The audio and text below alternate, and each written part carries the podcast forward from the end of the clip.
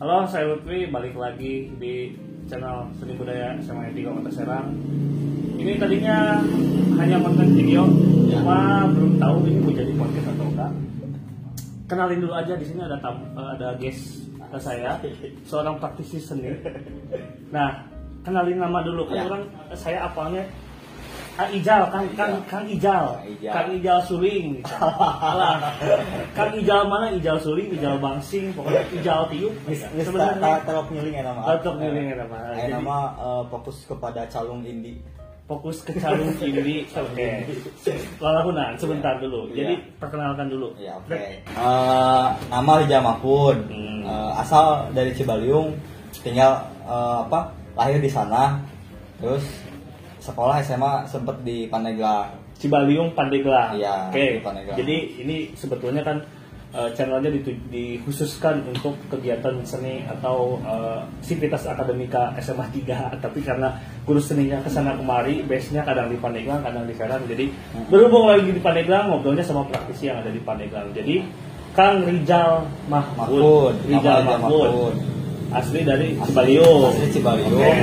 Terus? Sempat kuliah sempat kuliah masih kuliah masih kuliah masih kuliah Masih Di- berarti ya? masih Masih. Di? alhamdulillah udah lima tahun ah udah lima tahun Iya. oke Can lulus Can lulus Nah. kuliah di kuliah di ISBI Bandung ambil jurusan seni musik prodinya angklung dan musik bambu ISBI Bandung Iya. Institut Seni bela diri Bela Diri Ya. Institut Seni Budaya, Budaya Indonesia. Indonesia. Tapi kadang ada yang ini ah, jadi si ISBI itu diganti bukan seni budaya lagi. Ya. Iya, tapi jadi institut institut seni berbasis improv. Institut Seni berbasis impro Iya. itu Jadi, jokes jokes lah ya Jokes, jokes, iya. jokes kampus Iya, jokes kampus. karena kurang literasi atau gimana ya disebut emang jokes? gimana ya? Kadang mahasiswa ISBI itu ayeuna kieu gitu, isukan mah beda gitu. Oh, sek- eh, sekarang mau gini, nanti mau beda lagi. Iya, gitu. gitu. Jadi ya, eh, terus apa yang menyebabkan eh, awal mula Kang Rijal ini bisa pengen tertarik kuliah ke ISBI? Oh, Awal awalnya mula berarti kita mundur dulu nih balik ke Iya. awal mula gimana Kang Rijal bisa kenalan sama dunia seni inilah gitu. Dulu zaman apa masih sekolah di Cibaliung ya waktu MTS dulu Eh, Eh, waktu itu seneng sama band namanya Jihad band Eh, metal. iya terus dari situ kan banyak tuh ngepoin band-band metal gitu ya Oh. ketemu Jasad Oh. Iya. nah dari situ ya. ada eh, apa si band metal gitu tapi pakai kalinding gitu ya Ya. alat musik tradisional nah dari situ mulai eh, sama temen di sana ayo orang nyo- nyobaan bikin gitu Nyobaan Eh, bikin. bikin si alat musik tuh kayak kalinding celempung dulu Ya. walaupun gagal gitu Berarti tertarik dulu teh bisa ngedenger jihad sama ketemu jasad dulu basicnya apa pemain gitar? enggak juga seneng- emang seneng emang seneng aja gitu Oh, seneng aja. Ah, Oh. seneng Terus ketemu sama jasad. jasad nah dari situ ngelihat ada apa alat musik tradisi gitu ya Hmm. oh menarik juga gitu ini nah dari situ akhirnya ikut eh, apa ekskul kesenian di sekolah Dulu SMA SMA 2 SMA 2, mulai Dua. ekskul ekskul kesenian. ekskul kesenian ketemu sama Paparwa sama Paparwa. Eh, nah dari situ dicekok ah Oh dicekok, Dicekok. dicekok, dicekok ya, dicekok di, ya di, dikeluarkan, didoktrin, Iya. didoktrin, Didoktrin. didoktrin sama Paparwa lah kurang Iya. lebih sambil emang emang dari awal kan Emang- Rijal juga senang. emang ada niat Iya. gitu ya, ada seneng gitu, ada passion. Nah terus eh, yang saya lihat nih langsung berarti long story short sampai sekarang kuliah di ISBI, terus yang saya dengar kan Kang Rijal juga sen- se- apa sering ya sering berkegiatan salah satunya dengan alat musik yang juga kita kenal bareng-bareng itu namanya adalah calung. calon renteng Calung renteng. Ya. Nah, perbedaannya apa sih sama calung biasa? Orang mungkin orang Sunda di Hmm. Jawa Barat taunya calung. Iya. Bahkan saya sendiri juga taunya kan calung gitu. Bedanya dengan calung renteng itu apa? pertama mungkin eh, dari teknik main ah. Jadi kan calung tuh banyak ya ada eh, calung apa calung jinjing Calung jinjing ya, ya. yang dipakai sama daso Ya. yang kayak gini Di- Ya. jadi ada ada kayak Ini pegang gini tusuk kan. tusuk satenya Ya. Ah. terus ada juga eh, calung arumba nah calung arumba mah Di, ya gini nadanya kromatik Ya. gitu ah. Terus? nah kalau si calung renteng dia mainnya emang vertikal ke atas gitu Oh. si dan Ya. permainannya ju- juga emang gini gitu mainnya ke, ke atas kalau kalau calung gambang gitu ya calung arumba gini calung jinjing gini gitu Ya. itu mungkin yang membedakan salah satunya ya Berarti kalau misalkan kalau yang saya tahu tentang calung berarti kan kalau calung kan kurang lebih kan rada ngebodor ya, Iya. sedikit ya gitunya Ah. pertunjukan package-nya bukan alat aja Ngelawak, ngelawak. pertunjukan calung gitu. Tapi berarti kalau calung renteng gitu ke atas mainnya gitu tidak bisa mobile atau iya tidak bisa dibawa jalan. tidak bisa mobile emang tadinya juga si apa ya kalau misalnya ngomongin fungsi si calung renteng ini tuh fungsinya buat menghibur diri sendiri dan menghibur Nyi Pohaci Dewi Padi Nyipo Haji. Nyi Pohaci Itu kan Dewi Padi. Dewi Padi yang, dalam yang istilah dipercaya oleh masyarakat Sunda gitu di Hmm. daerah sana ya di Cibaliung Cibitung gitu sampai sekarang pun ya masih gitu masih dipercaya kayak apa namanya kalau misalnya si padi kelihatan kayak punya penyakit gitu. Ya. nah itu tuh didoain didoain sama lagu-lagu gitu. Tentang tentang itu. medianya melalui mediumnya melalui calung renteng ya gitu. videonya si calung ini. Berarti budaya sampai sekarang masih ada itu sampai sekarang masih ada. Masih ada. Nah, tapi emang nggak nggak semua gitu ya. Nah, cuman beberapa yang masih gitu. Masih makai itu. Jadi kurang lebih perkembangannya hampir sama berarti ya dengan calung yang ini, dengan calung yang maksudnya calung yang yang saya tahu gitu, calung yang berada di daerah Sunda lah Iya. gitu umumnya. ada di sana juga yang maksudnya eh, calung jinjing itu tuh Hmm. sampai gitu nyebar ke sana ya cuman eh, kalau dulu menurut si pelakunya gitu ya si Abah Hmm. Kalimi nah Hmm. di Cibaliung tuh rata-rata hampir hampir semua petani yang punya huma gitu ya Ya. mainin itu Oh, Mainin si calung iya, iya, gitu. iya. Jadi memang si calung renteng ini emang udah sering, maksudnya alat musik yang jadi kesannya jatuhnya bukan alat musik atau ya kayak apa gimana? ya Atau instrumen kalangan disebutnya instrumen kalangan? Nah, apa itu istilah apa itu Pak? coba coba di share dulu. buhun banget ya Bukan banget tuh, soalnya redaksinya waduh takutnya anak-anak Iya. audiensnya ini belum pada tahu ini. jadi kalangan tuh istilah buat eh, apa ya orang eh, bukan orang jadi instrumen yang dimainkan fungsinya untuk menghibur diri sendiri gitu Untuk menghibur Nah. diri sendiri.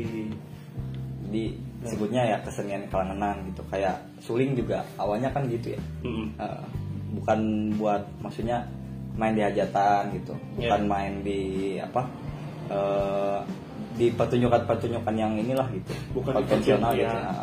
Bukan dipertunjukkan diperuntukkan untuk apa dipertunjukkan gitu Iya. ya hanya sebagai alat musik aja Iya. berarti kalau kita ngomongin apa instrumen kalanganan Nah. instrumen kalangan berarti nggak ada nada dasar atau tonalitas frekuensi di ada situ ada kenapa ada ada patokan berarti atau gimana Ya, kan ya. setiap orang iya misalkan saya Ah. juga petani Ah. kang hijau petani Ya. misalkan ada kang ipong petani kita Hmm. punya sama-sama calon renteng ya apakah ada kesepakatan di situ ya mungkin dulunya ada jadi emang apa ya si itu tuh entah entah kapan gitu ya di, dibikinnya ya tapi jadi si kayak misalnya orang eh, nenek moyang nih Ya. orang bikin sarung renteng eta Oh, Jeung iya. babaturan misalnya woi kibaya ya gini aja nih si tangan adanya Ya. nah udah gitu tuh diturunin gitu anak cucu ngeliat gitu ngedengar ya Oh. nah dari situ akhirnya sampai sekarang pun masih masih kayak gitu gitu nada terus lagu pun eh, nggak nggak jauh maksudnya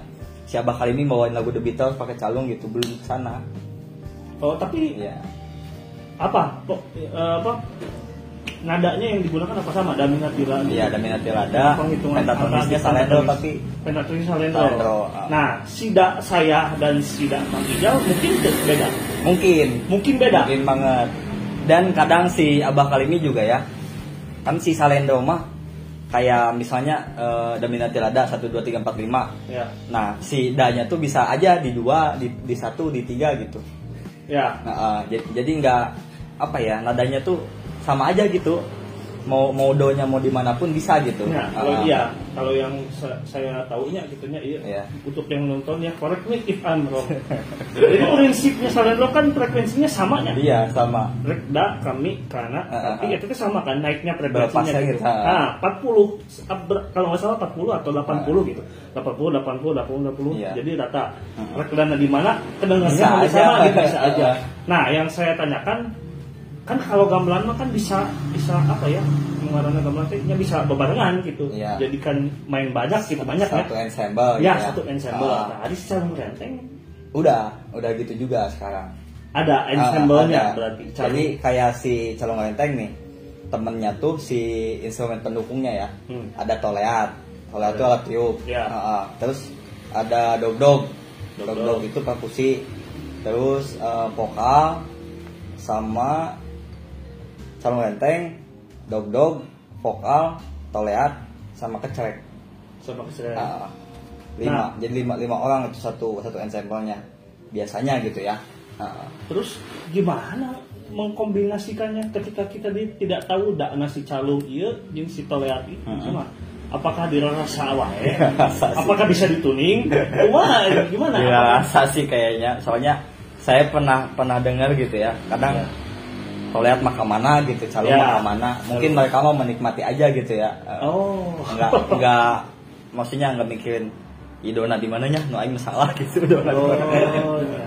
tapi Berat. emang kayaknya punya rasaan gitu ya. Ya, emang emang mungkin si toiletnya yang udah wak- waktu saya dengar gitu ya kurang kurang baik gitu kurang layak. Tapi eh, ada ada sebuah rekaman yang dia main tuh ya enak gitu. Bareng dan satu tonal gitu si calung sama tolet tuh. Soalnya kan kalau instrumen lain mah ya kayak dog dog gitu terus eh, vokal ngikutin lah Ya, enak gitu ya. ya, kecek juga kan nggak punya nada gitu ritmikal berarti belum ada yang mengkaji itu teh cerita tentang belum. Calung ensemble calung Belum. renteng bersama kawan-kawan ini belum ada. Belum belum ada. Nah, kan terus eh, gimana cara gimana caranya kita bisa menerapkan Hmm. Atau katakanlah da- eh, dalam tanda kutip melestarikan Ya. gitu ya seperti banyak orang yang bilang itu melestarikan Hmm. harusnya kan selalu berangkat dari pengkajian dulu ya Ya. gitu Hmm. memang ke- ketika kita belajar tentang musik gitu ya dari yang saya tahu Hmm. harus selalu berangkat dari praktek ya tapi kalau misalkan ada siswa nih nanya ini nadanya apa gitu, ini da ya da ini segimana gitu apa gini. Iya. Nanti yang dikhawatirkan ada fenomena si si, si, eh, apa si yang di peserta pembelajaran itu ketemu calung Hmm. kok beda suaranya nanti gimana tak cara menjelaskannya menurut Iya. kami jangan aja gitu ini mah kalau menurut saya memang maksudnya harus ada standarisasi ya.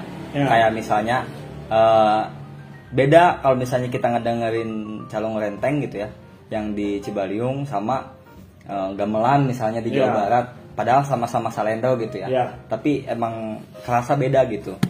Nah itu tuh harus harusnya ada ada yang mengkaji eh, secara lebih dalam gitu ya mengenai frekuensi terus eh, nada dasarnya di mana nih eh, biasanya gitu satunya di mana terus dari apa namanya jumlah tabung juga ya Iya. itu ngaruh gitu dan diameter dan lain-lain gitu jumlah nah itu jumlah banyaknya Ah, jumlah banyaknya nah yang saya temukan gitu di catatan apa eh Japun kalau nggak salah. Apa itu teh? Jadi dia eh, seorang apa ya etnomusikolog gitu yang pernah nulis tentang calung renteng. Spesifik Cibaliung atau enggak. Ini ini calung, calung renteng ini ha- hanya ada di Cibaliung atau enggak? enggak enggak juga. Terus Di- yang membedakan calung renteng Cibaliung dengan Hmm. calung renteng yang lain? banyak. Lagu dan misalnya eh, penempatan ya kalau si Cibaliung mah renteng Cibaliung si tabung yang kecil yang tinggi itu di bawah Berarti nada yang paling yang Eh, tinggi, nada yang tinggi di bawah, Di bawah. yang rendah di atas Oke, Nah. berarti ada gini ya berarti ke Ah, ah. atas. Oke. saya ngelihat di Tasik ada itu dibalik jadi yang gede di bawah yang kecil di atas Oke. Nah, terus kalau di catatan itu bukunya ada Kongres Kebudayaan Jawa kalau nggak salah nah di situ tuh dijelasin kalau eh, calung renteng itu tabungnya ada yang 12 jadi dua oktav lebih dua nada Dua oktav lebih dua nada. Hmm. Kok Lima. penyebutannya oktav? atau Dua, maksudnya dua oktav? dua oktav jadi eh, lima lima kan ya Oh, Sa- satu oktav kan lima Pentatonis, Ah, oh, pentatonis. enggak kalau oktav kan delapan. ya mungkin Ya. oh, oktav oktav pentatonis Oh, mungkin oktav ya. pentatonis, Iya. iya. Sagem sagembiung Nah, saya. sagemio lebih tepat. Iya. Soalnya, Soalnya yang- yang- ngomongin iya, oktav delapan, Iya.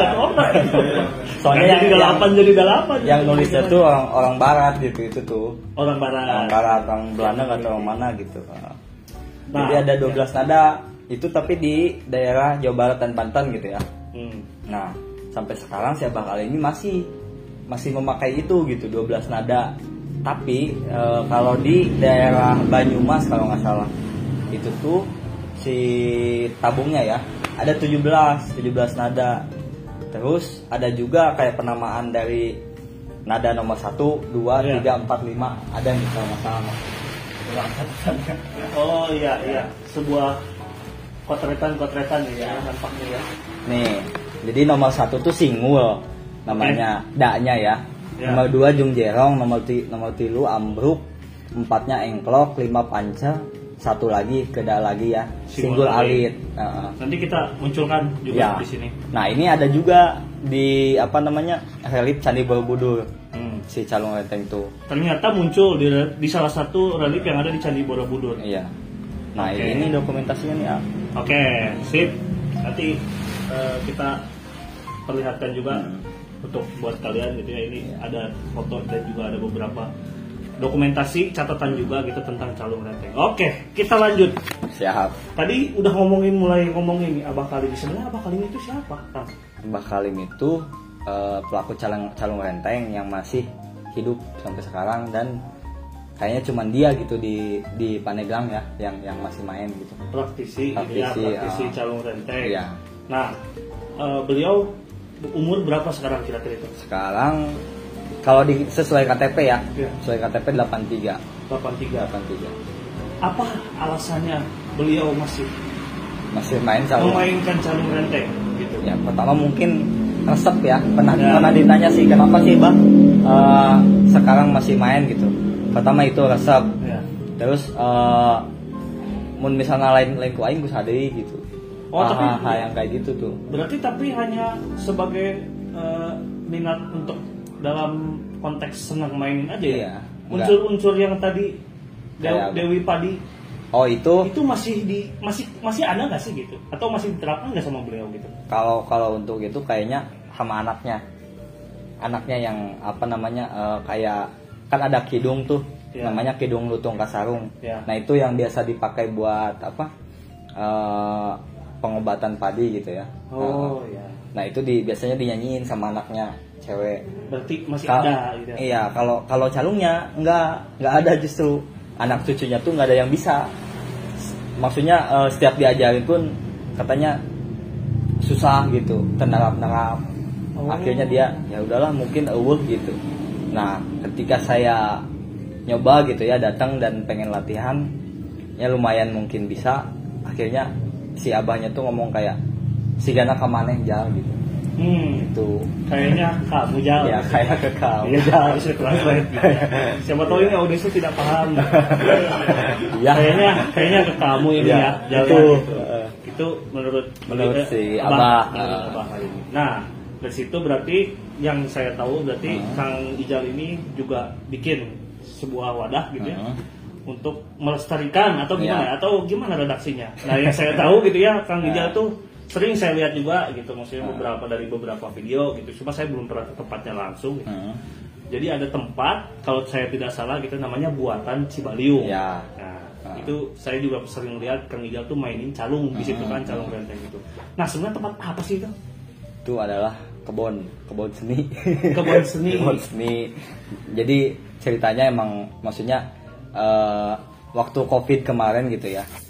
Kan lama tuh eh, apa namanya kuliah gitu libur. Hmm. akhirnya balik ke kampung. Terus kayak anjir gini-gini aja gitu. Akhirnya bikinlah suatu gitu wadah lah. Wadah wadah apa berkreativitas gitu di, di lembur di kampung. Akhirnya eh, saya dan teman-teman gitu kepikiran bikin eh, sebuah wadah yang emang pengen ngewadahin itu gitu nah akhirnya pada ngumpul tuh orang-orang yang yang satu frekuensi gitu Eh, bikin buatan Cibaliung terus eh, kayak kita ngebahas kita mau ngapain aja gitu ya Hmm. nah dari situ kita eh, sepakat kalau kita pengen kayak apa konsen di kesenian dan pertanian gitu Kesenian dan ya pertanian. tapi emang kalau kalau si pertanian sih kita masih kayak belajar gitu nyoba-nyoba pengen ngebon gitu Iya. Wa- walaupun ya masih amatir gitu ya Terus ada kaitannya ada kaitannya nggak dengan pelestarian calung renteng atau itu mah berbeda cerita aja? Enggak, itu emang maksudnya eh, salah satu tujuan juga ya. Jadi kita kayak bikin gerakan Cibaliung Pride gitu eh, di sana tuh. Cibaliung Nah, Pride. jadi selain apa namanya kita lala- eh, bikin lagu gitu ya di sana, kita juga kayak ngangkat-ngangkat soal kebudayaan di sana ada apa aja, terus eh, kearifan-kearifan lokal gitu, terus makanan.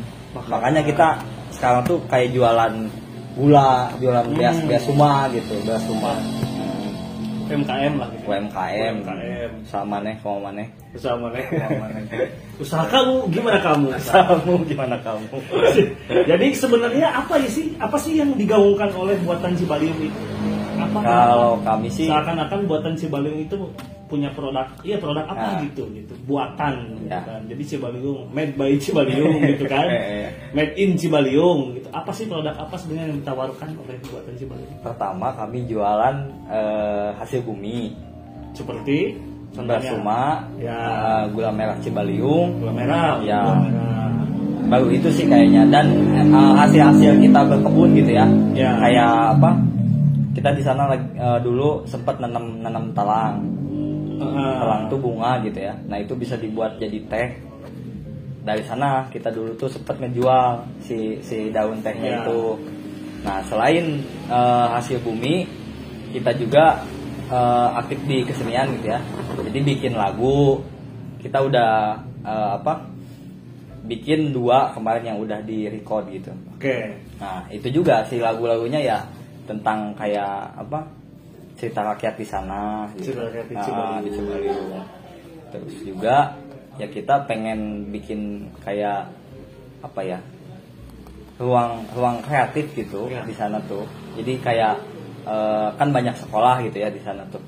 Kadang kita eh, ngajak, ayo pentas di kebon gitu. Nah kebon juga ada kayak semacam apa ya eh, amphitheater gitu. Jadi ada ada panggung di sana tuh. Oh, ada tempat lah, ada Ah, space ya. Ada space gitu. Oke, Mm-mm. terakhir lah mungkin ini takutnya terlalu panjang nanti mungkin kalau ada pertanyaan Ya. setelah ini ya nanti kita mungkin ada ngobrol lagi di episode Nah. Ini kalau misalkan ini untuk terutama buat saya sendiri orang Pandeglang atau Hmm. mungkin ada orang-orang di sini yang menyaksikan ini, gimana sih caranya? Saya pengen tahu tentang calung renteng. Saya harus ke mana? Mungkin nggak Oh. saya datang ke buatan Cibaliung atau saya harus mencari Abah Halimi atau saya mencari Kang Ijal? Harus Bisa gimana? aja. Apa yang saya harus lakukan kalau Ah, saya ah. pengen tahu tentang calung renteng? Kalau arsip-arsip eh, kita udah nyoba sedikit gitu ya, ngupload Hmm. di YouTube-nya buatan Cibaliung. Dokumentasi lah. Ah, dokumentasi. Nah nulisnya pakai jangan lama.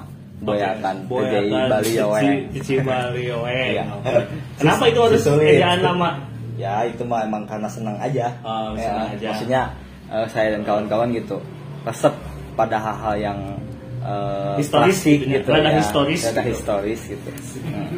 Ya, ada historis. Iya, Eh, gitu. Terus gimana? Enggak, gimana cara? Mungkin nggak saya datang. Misalkan ada orang yang datang, Oh. Kang Ijal, saya pengen Iya. main nyobain pengen tahu sama Hmm. calung renteng boleh nggak saya datang ke buatan Cibaliung untuk pengen nyobain main calung renteng Iya, boleh banget. Boleh Ada banget. di sana calung banyak. itu gimana cara menghubunginya apa di Ya bis- bisa DM aja di, DM. di IG buatan Cibaliung. Instagram, Kalau enggak di IG saya Rija dan Mahfud. ke Jalan Mahfud. Ke Jalan Mahfud. Bisa Ya. jadi buat yang kalian yang pengen penasaran tentang kayak gimana sih Hmm. culture yang ada di. Cibaliung, se- kesenian yang ada di sana, Iya. terus produk tadi yang ditawarkan, hasil Ah. buminya dan bahkan kalian bisa langsung main calung rentengnya Renteng. juga biar panas biar nggak penasaran gitu Iya. gimana keseniannya.